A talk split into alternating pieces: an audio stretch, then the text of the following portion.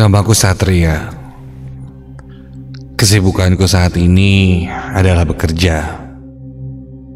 Namun, meskipun telah bekerja, aku masih aktif di salah satu organisasi mahasiswa di sebuah perguruan tinggi di daerah Cimahi. Malam ini, aku akan berbagi pengalaman terseramku. Yang tidak mungkin bisa kulupakan. Kejadian yang kualami ini memang sudah cukup lama. Namun teman-temanku menyarankanku untuk membaginya di Nightmare Site Ardan Radio.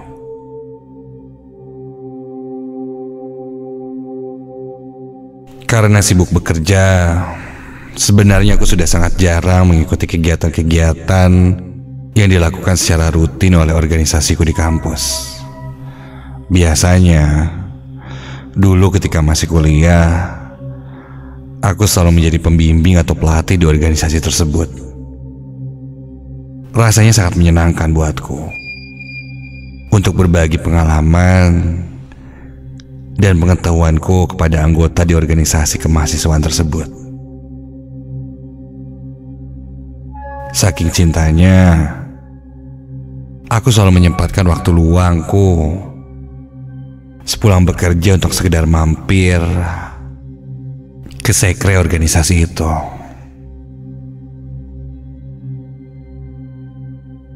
Waktu itu aku masih ingat, hari Senin. Aku ditelepon oleh temanku untuk segera merapat ke sekre. Karena katanya akan ada rapat koordinasi yang membahas kegiatan-kegiatan ke depan. Selesai pekerjaan kantorku, aku langsung bergegas pergi ke kampus. Sampai di sana, kita membahas banyak hal tentang rencana kegiatan-kegiatan nanti.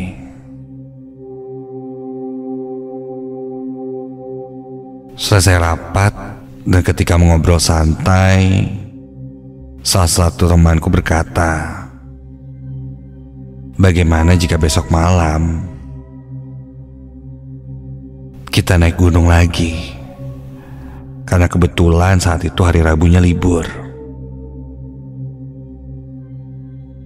Tempat yang akan kita tuju adalah Tangkuban Perahu.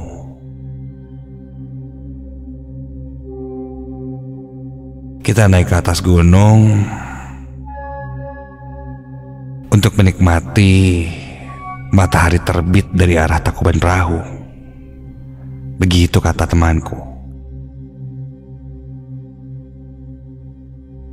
Beberapa temanku setuju. Namun salah satu temanku, Maul namanya, dia tidak mau ikut. Katanya, konon trek hiking di sana angker banyak kejadian-kejadian. Kami hanya menanggapinya dengan santai. Eh mau cemen amat sih. Tenang aja, emang wajar. Kalau hutan itu angker, karena kan jarang ada yang datang ke sana sepi. Tapi menurut gue sih bakal seru ya. Kita ke sana, naik gunung nikmatin matahari terbit. Wah pasti keren banget sih. Dan gue yakin nanti banyak orang sih di sana. Ada yang camping juga kan ya kan?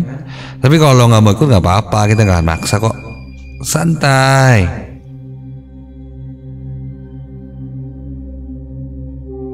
Singkat cerita keesokan harinya setelah sholat maghrib Aku berangkat menuju titik kumpul di sekretariat kami. Di sana rupanya sudah berkumpul teman-temanku. Ada Rizky, Raffi dan Arif. Tentunya Maul tidak ada saat itu. Katanya ada satu orang lagi yang ikut. Ivan namanya.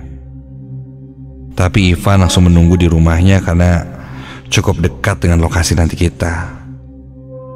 Dia menunggu di rumahnya di daerah Cisarua, Lembang.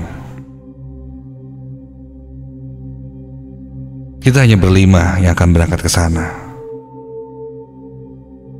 Setelah berkumpul sekitar jam 8 malam, kita pun berangkat menuju rumah temanku Ivan yang berada di daerah Cisarua itu. Untuk briefing sekaligus menitipkan motor.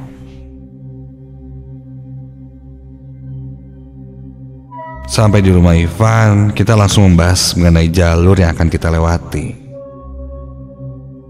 Karena ingin mengejar matahari terbit, jadi kita akan berangkat larut malam.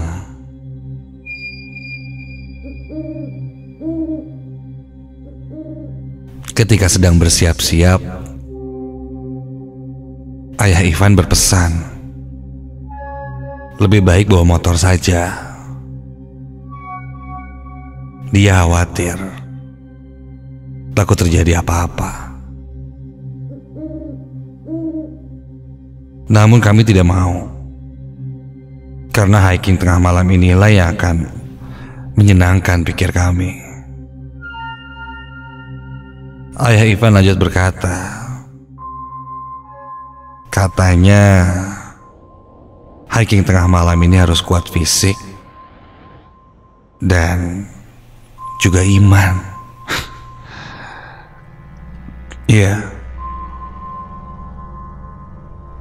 Karena konon dia sering mendapat cerita tentang angkernya jalur pendakian itu.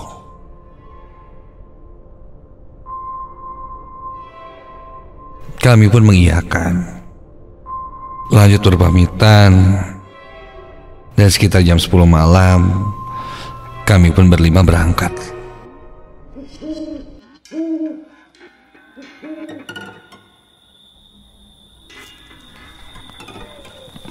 Ketika mulai memasuki daerah jalur pendakian, rumah-rumah warga makin lama makin menjauh. Suasana mulai sepi dan pepohonan mulai padat. Pohon tinggi-tinggi dengan dahan yang menjalar. Juga rumput-rumput yang lumayan tinggi, semak-semak. Inilah yang akan menjadi pemandangan kita malam itu.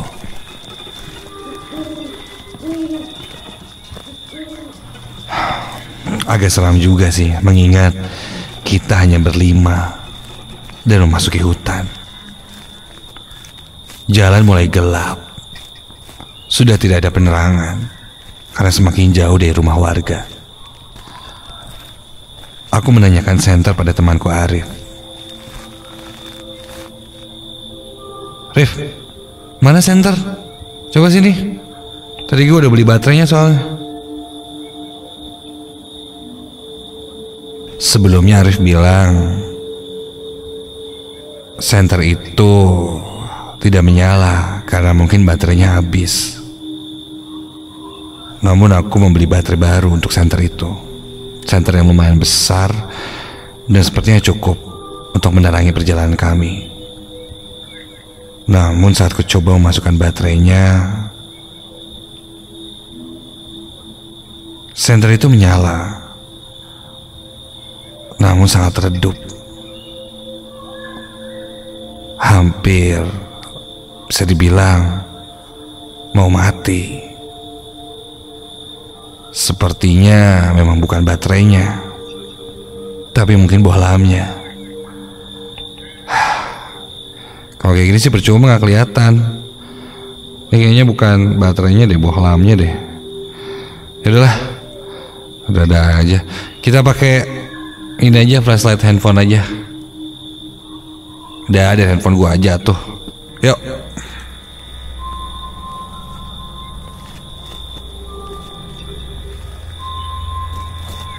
Selama perjalanan itu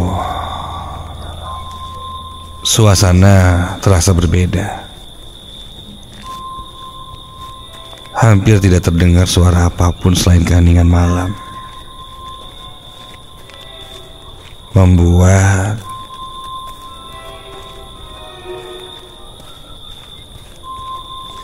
suara yang muncul pun akan terdengar sangat jelas. Seperti sekali terdengar suara ranting yang terinjak. Iya seperti ranting patah yang terinjak namun bukan berasal dari rombongan kami. Melainkan dari samping-samping. Entah kiri atau kanan rombongan ini. Jalan yang kita lalui jalan setapak. Tidak ada ranting-ranting yang menghalangi. Entahlah jika di dalam hutan itu.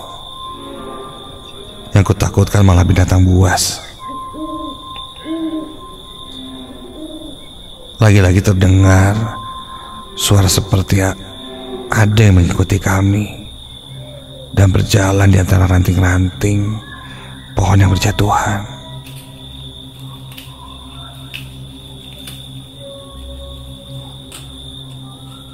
Aku melirik ke arah Rizky.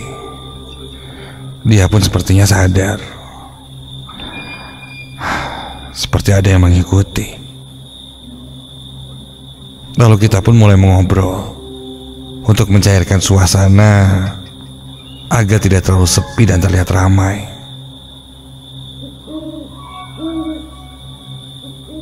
Kami terus ngobrol sambil berjalan, menghilangkan rasa takut yang mulai muncul perlahan-lahan.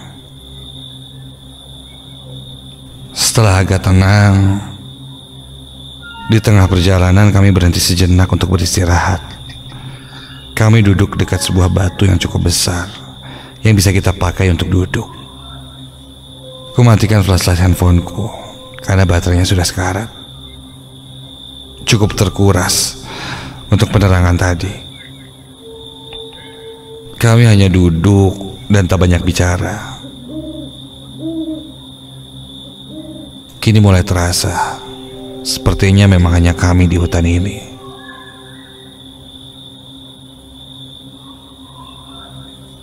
sampai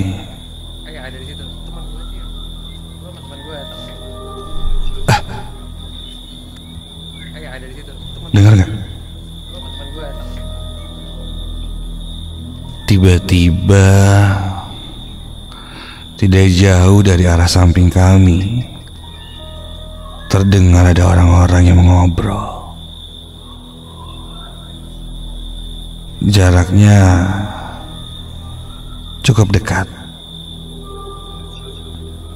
dan terdengar jelas olehku.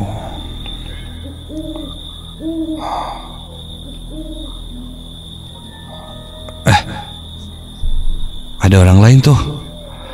Mungkin kayaknya panitia atau orang yang lagi ngecek tempat untuk camping deh. Gue lihat ya. Belum sempat teman-temanku menjawab, aku langsung bergegas mengeceknya.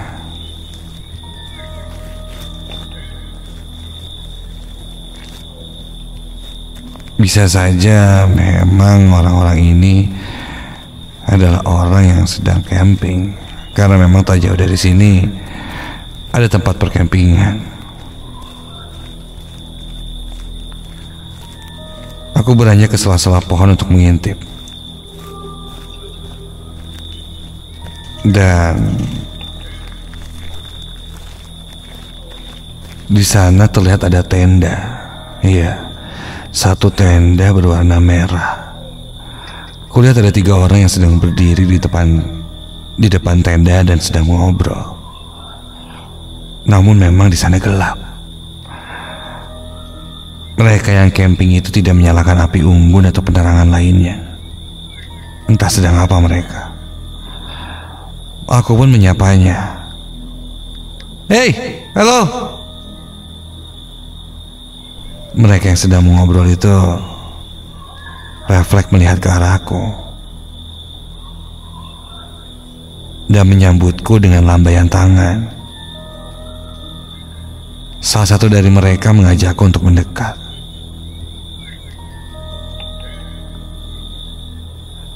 Aku pun mendekatinya. Baru aku mau melangkah. Tiba-tiba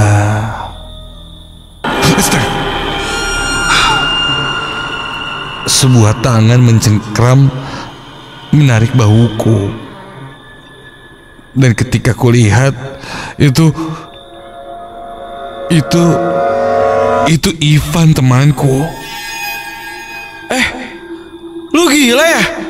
Lo mau bunuh diri? Lo mau jatuhin diri lo ke jurang, hah? Jurang? Kok jurang sih? Itu ada yang camping, gue cuman mau... Loh? Eh? Loh? Iya, kok jurang?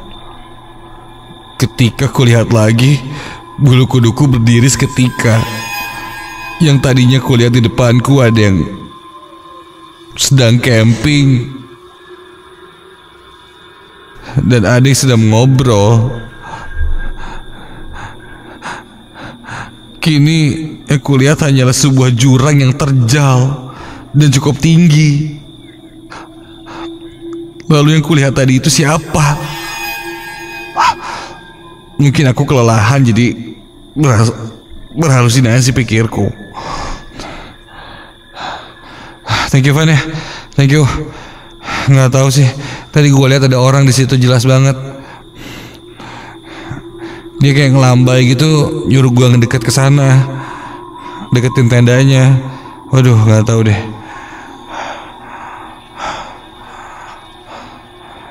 Kalau ternyata ini jurang.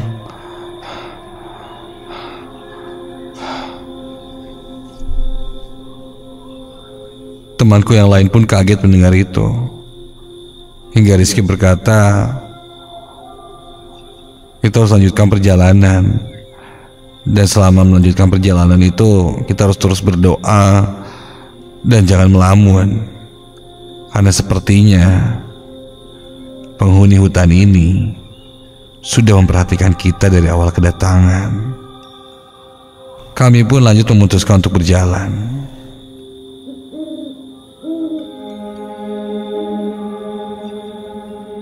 sejak kejadian itu perjalanan kami pun terasa sangat berbeda. Setelah kejadian itu, kami terus berkonsentrasi pada rute ini. Bahkan aku tidak mau melihat ke kiri dan ke kanan. Hingga beberapa waktu kemudian, Raffi menghentikan langkahnya.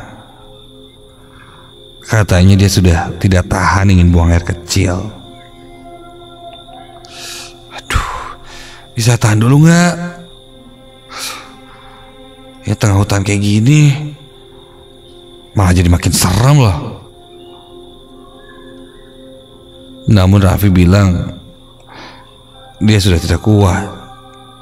Dia malah memintaku untuk mengantarnya Karena takut setelah kejadian tadi. Yaudah yaudah yuk. Guys tunggu ya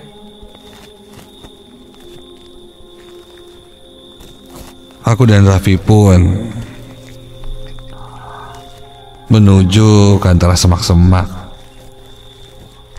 Dan di sana pun terlihat sebuah pohon yang cukup besar. Sementara temanku yang lainnya menunggu di jalan setapak itu.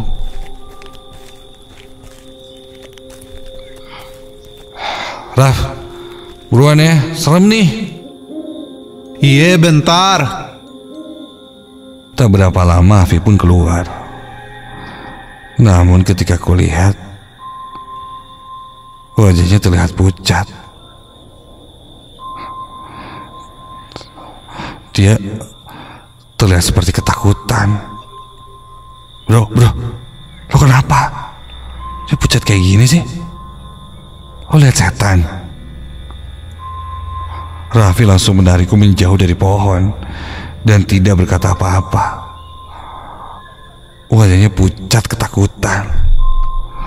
Sepertinya ada sesuatu yang dia lihat di sekitar pohon itu. Kami pun lanjut berjalan ke arah temanku yang lain. Belum sempat sampai pada teman-temanku. Tiba-tiba terdengar ada suara ada suara teriakan dari belakangku. Woi Sat Satria Satria mau ke mana lo? Kok ninggalin gua?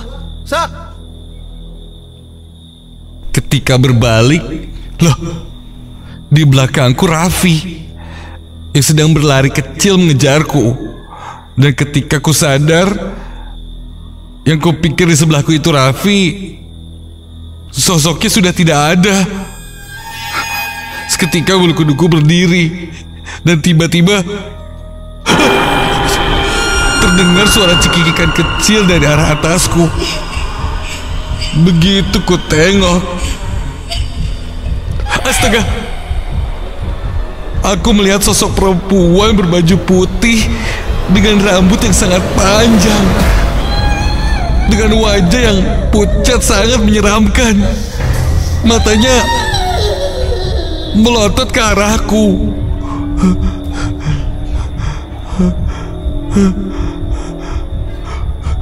Sosok itu akan membungkuk menengokku dan duduk di dahan pohon sambil mengayun-ayunkan kakinya tepat di atas kepalaku.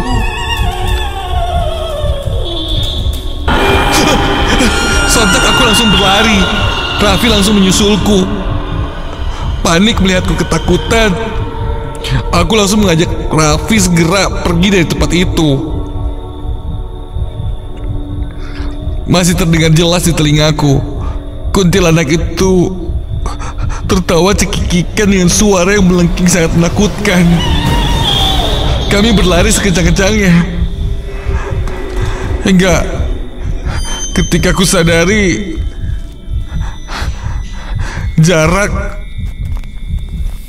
aku berlari makin lama sepertinya makin menjauh. Padahal aku ingat betul jarakku dengan temanku yang sedang menunggu di jalan setapak itu tidak jauh.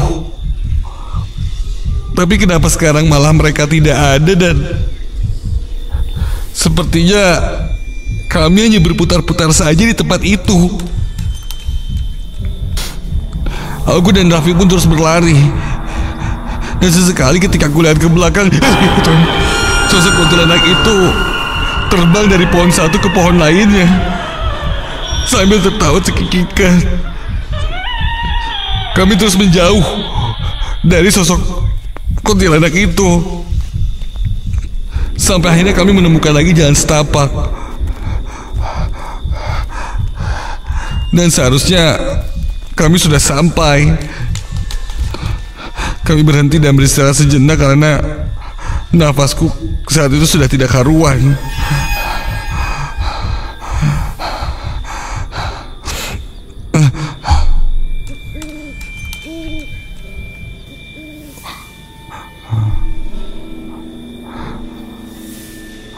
Aku melihat lagi ke arah belakang untuk memastikan kuntilanak itu tidak mengikuti kami. Dan syukurlah sosok itu sudah tidak ada. Dari kejauhan, kami lihat justru ada sebuah cahaya yang mendekat. Namun bukan cahaya senter. Seperti obor. Iya. Mungkin ada salah satu dari warga yang yang sedang berjalan juga di daerah hutan ini.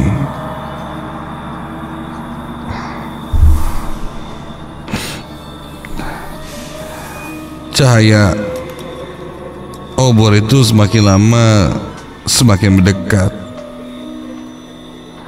Namun ada yang janggal. semakin mendekatnya itu lama kelamaan terlihat sangat mendekat dan sangat cepat dan begitu cukup dekat dengan kalian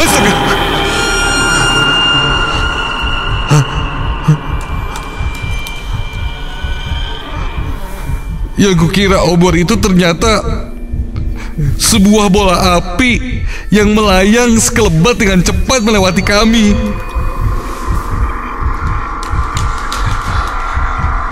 Dan kini seakan berputar mengitari kami. Pergi, pergi. Pergi, jangan ganggu kami, punten. Punten, punten. Kami cuma numpang lewat. Punten.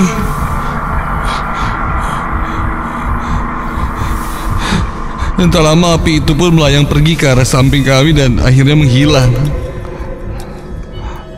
Kami langsung berjalan cepat berharap cepat sampai ke tempat teman-temanku menunggu.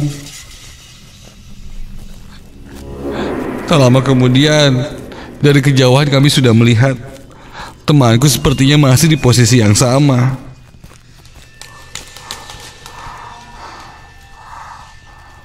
Begitu sampai, mereka langsung mengajak aku dan Raffi pergi.